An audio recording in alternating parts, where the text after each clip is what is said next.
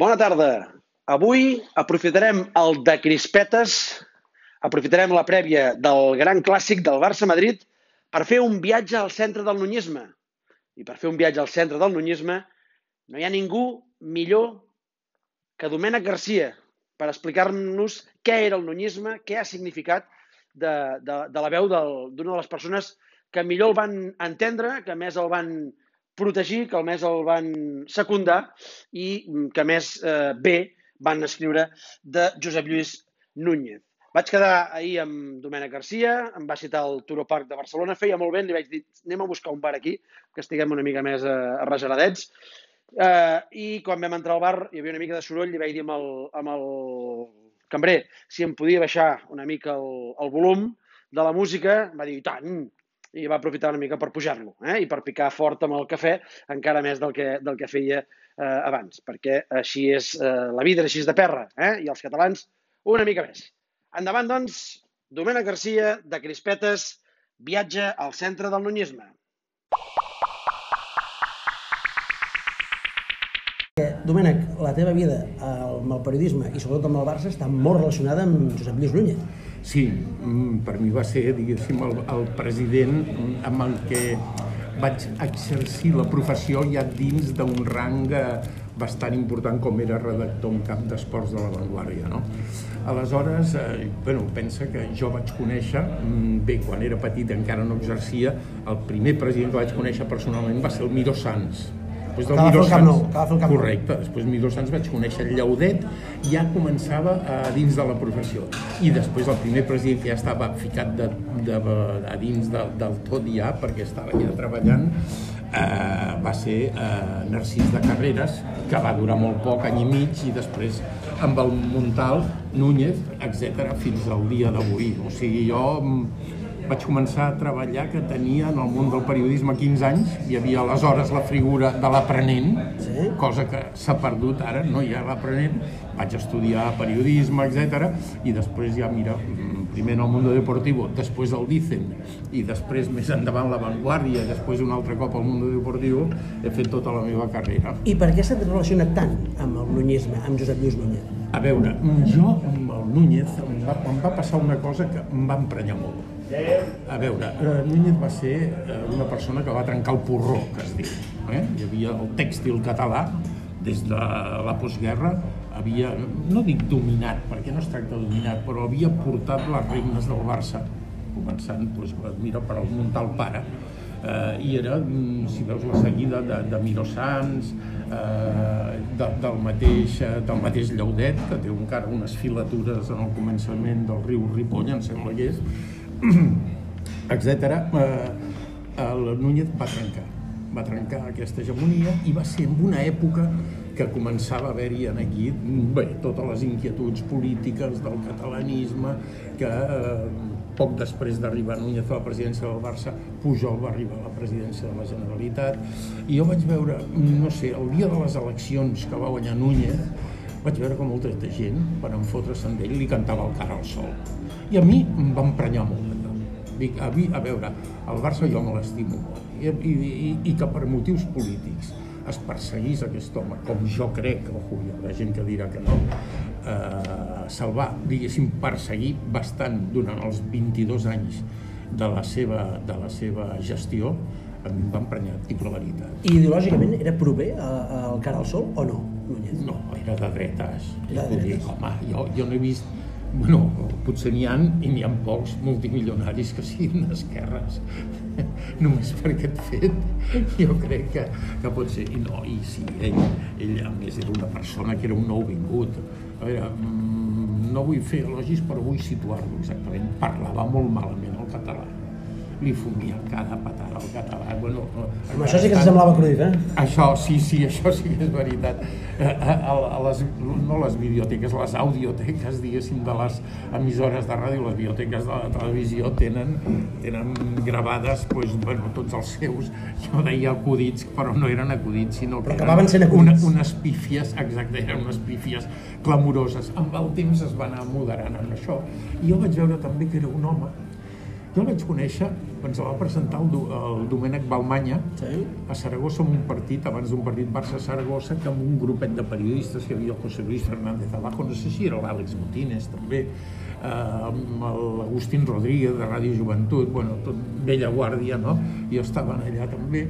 I jo me'l vaig escoltar i era un home de dir que, ostres, aquest hi toca. Jo, jo vaig pensar, per, aquest hi toca, aquest sap com fer-ho.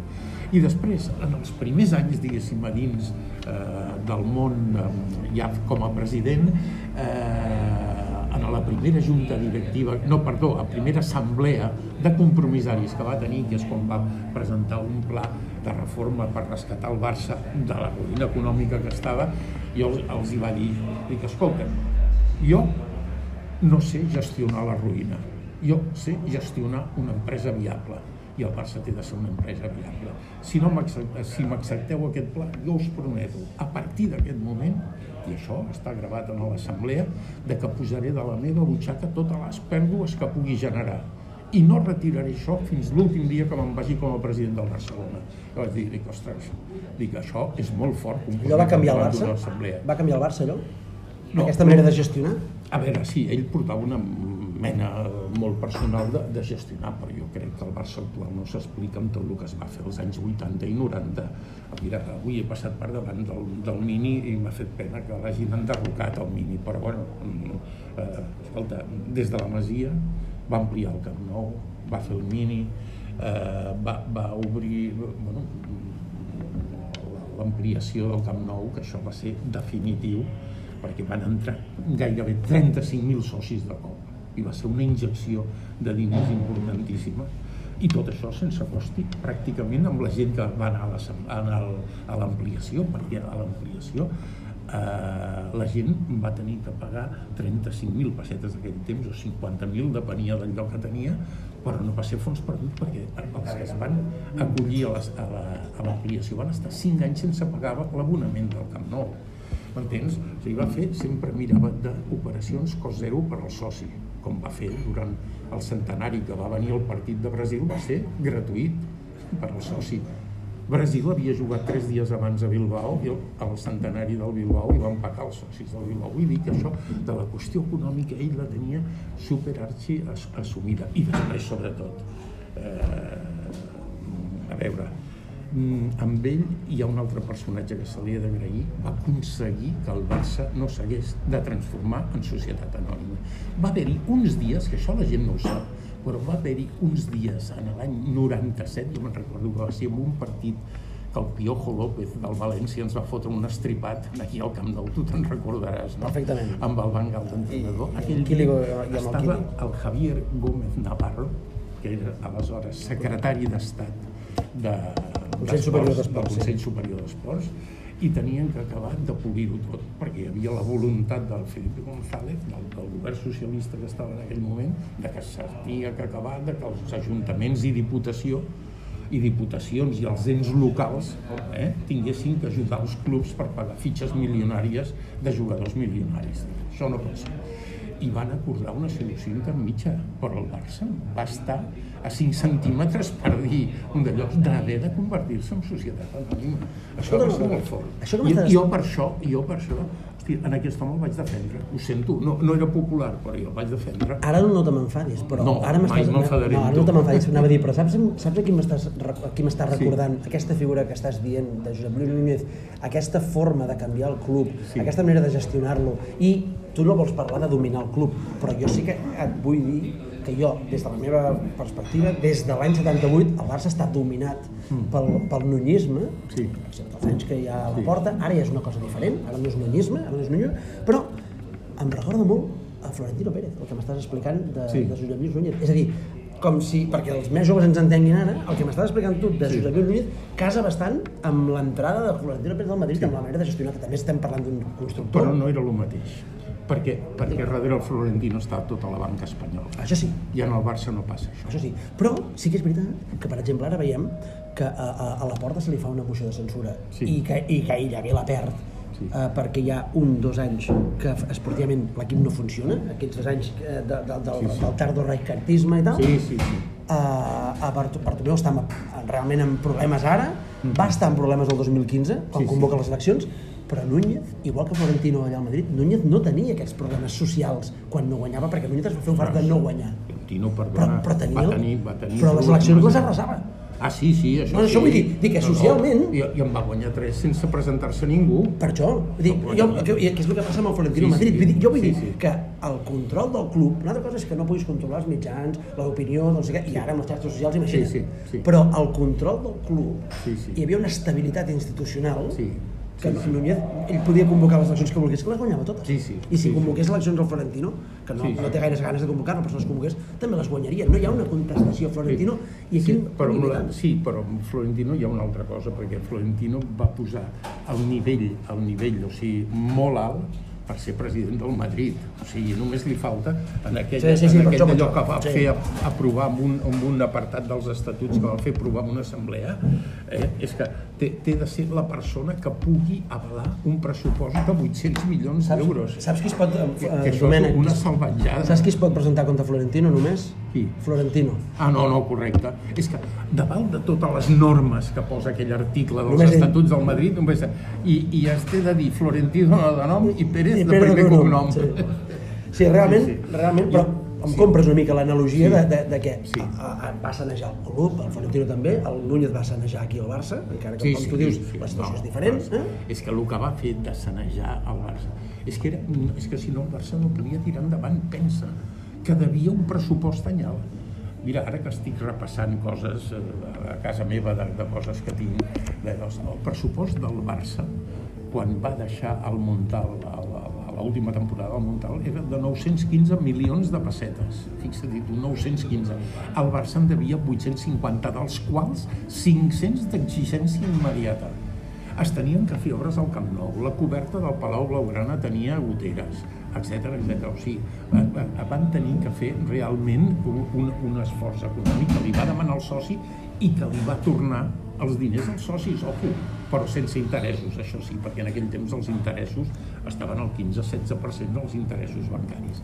O sigui, el soci va contribuir a salvar el Barça amb el que va aportar i els hi va demanar Núñez, que van anar-hi, malgrat de que va haver molts que es van oposar i tal, amb, amb pràcticament el 85-90% dels socis van dir que sí en, en aquest pla de salvament econòmic. Escolta'm, abans em parlaves de l'estadi, del, de l'estadi, del- de les obres de l'estadi, l'ampliació de l'estadi, que, que van ser claus, del, del Núñez, Sí. i, i em parlaves ara de que es va trobar un autèntic eh, solar econòmic. Sí, sí. Com creus que es trobarà el Barça algú que no sigui la junta continuista?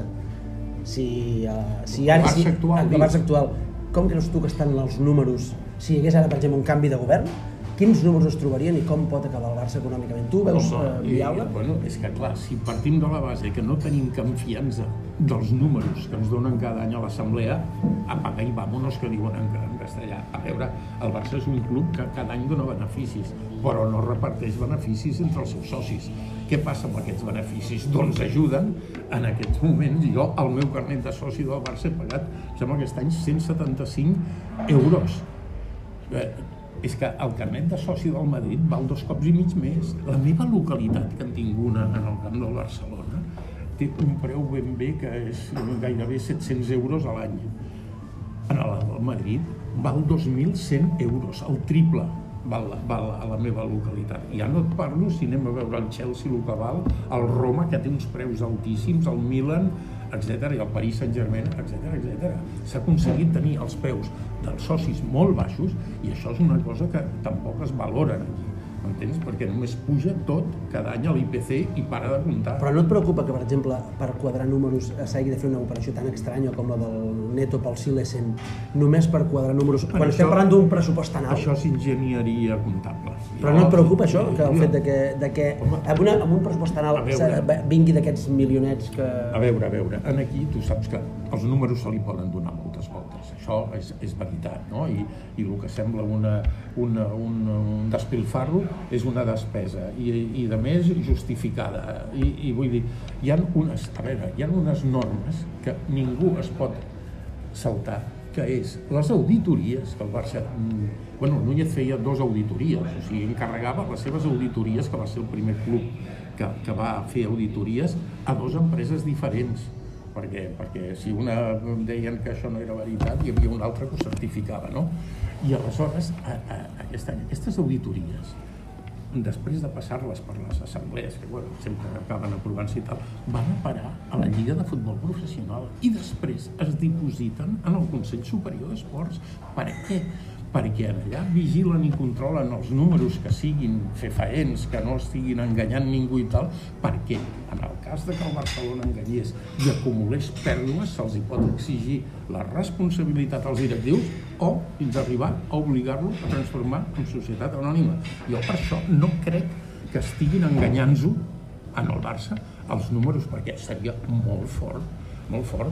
Això sí, hem aconseguit ser el club amb més ingressos del món i justificat, no justificat, avalat per Deloitte, bueno, Deloitte, tindríem que dir en francès perquè Deloitte és francès, aquesta gran empresa auditora a nivell mundial, és el club amb 850 milions d'euros a l'any que més eh, ingressos per publicitat i sponsoring, etc etc té. És a dir, per, el que deia el Núñez, eh, ingressos atípics, que ara ja són típics, els ingressos atípics, no? I ara ja són típics i sí, perquè ara el, amb el que no arribem són amb els ingressos normals. Amb, amb, amb el que deies tu del soci ja no arribem sí. enlloc. No, no, no, no, és que no, no arribem al soci. S'han mantingut els preus del soci, però superbaixos. Si un dia, eh, doncs no sé, un altre dia ens trobem i tal, portarem documentació i, i, i podrem mm, bueno, mirar les xifres oficials de lo que costen els abonaments i els carnets en els demés clubs. Què et preocupa més? El, la inflació salarial del, del planter o que es paguin més de 100 milions per jugadors diguéssim que poc contrastats jo, com Dembélé, que no acaben de funcionar com Coutinho, com Griezmann... Sí, jo les dues coses, dic la veritat. No és el model que tu faries servir. De que entrés el Neymar, ai, entrés, perdó, se n'anés el Neymar, es cobressin els milions que es van cobrar i es gastessin amb dues inversions que en principi no semblaven malament les inversions, no? Un, no, però un per les un lesions, risc. un per les lesions, i aleshores el preu que va pagar el Barça per aquests jugadors. No era el preu, era un preu fictici perquè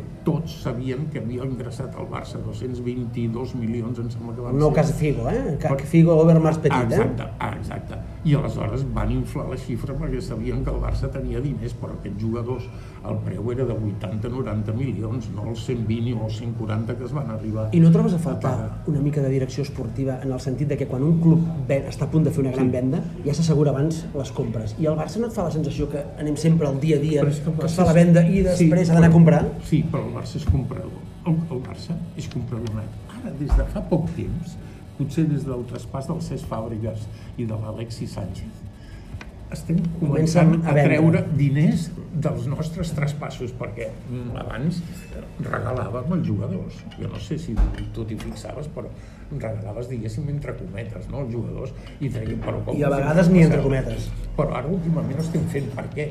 Perquè l'Òscar Grau, que és el CEO del Barça, no, haurà vist que els números de dir, escolta, ens hem d'espavilar i ens hem el, la mateixa operació que tu vas dir del Neto i el Silesen, els dos els hi convenia als dos clubs. Per què? Perquè ell es comptabilitza el neto com un, un ingrés net, i valgui la redundància, no? I, I el València també es comptabilitzava el Silesen com un, com un ingrés net perquè havia fet la venda del neto un i la venda del Silesen a l'altre. I, i, i, I el pot imputar en l'exercici corresponent. Pel Neto és un ingrés net i pel Silesen ha sigut una jugada bruta perquè ara és sí. el suplent de València. Sí, és el suplent, bueno, ha tingut una lesió. Ha sigut a causa de la lesió que va tenir, que jo suposo que, que bueno, després del partit de l'Atalanta el Jaume, que no li tinc res en contra. No, però ja porta un parell o tres de partits que, que comença a fallar. Eh, l'últim partit que va jugar bé va ser contra nosaltres, que ens van fotre 2 a 0. A mi la veritat és que Silesen em sembla, em sembla millor porter. Uh, demà més,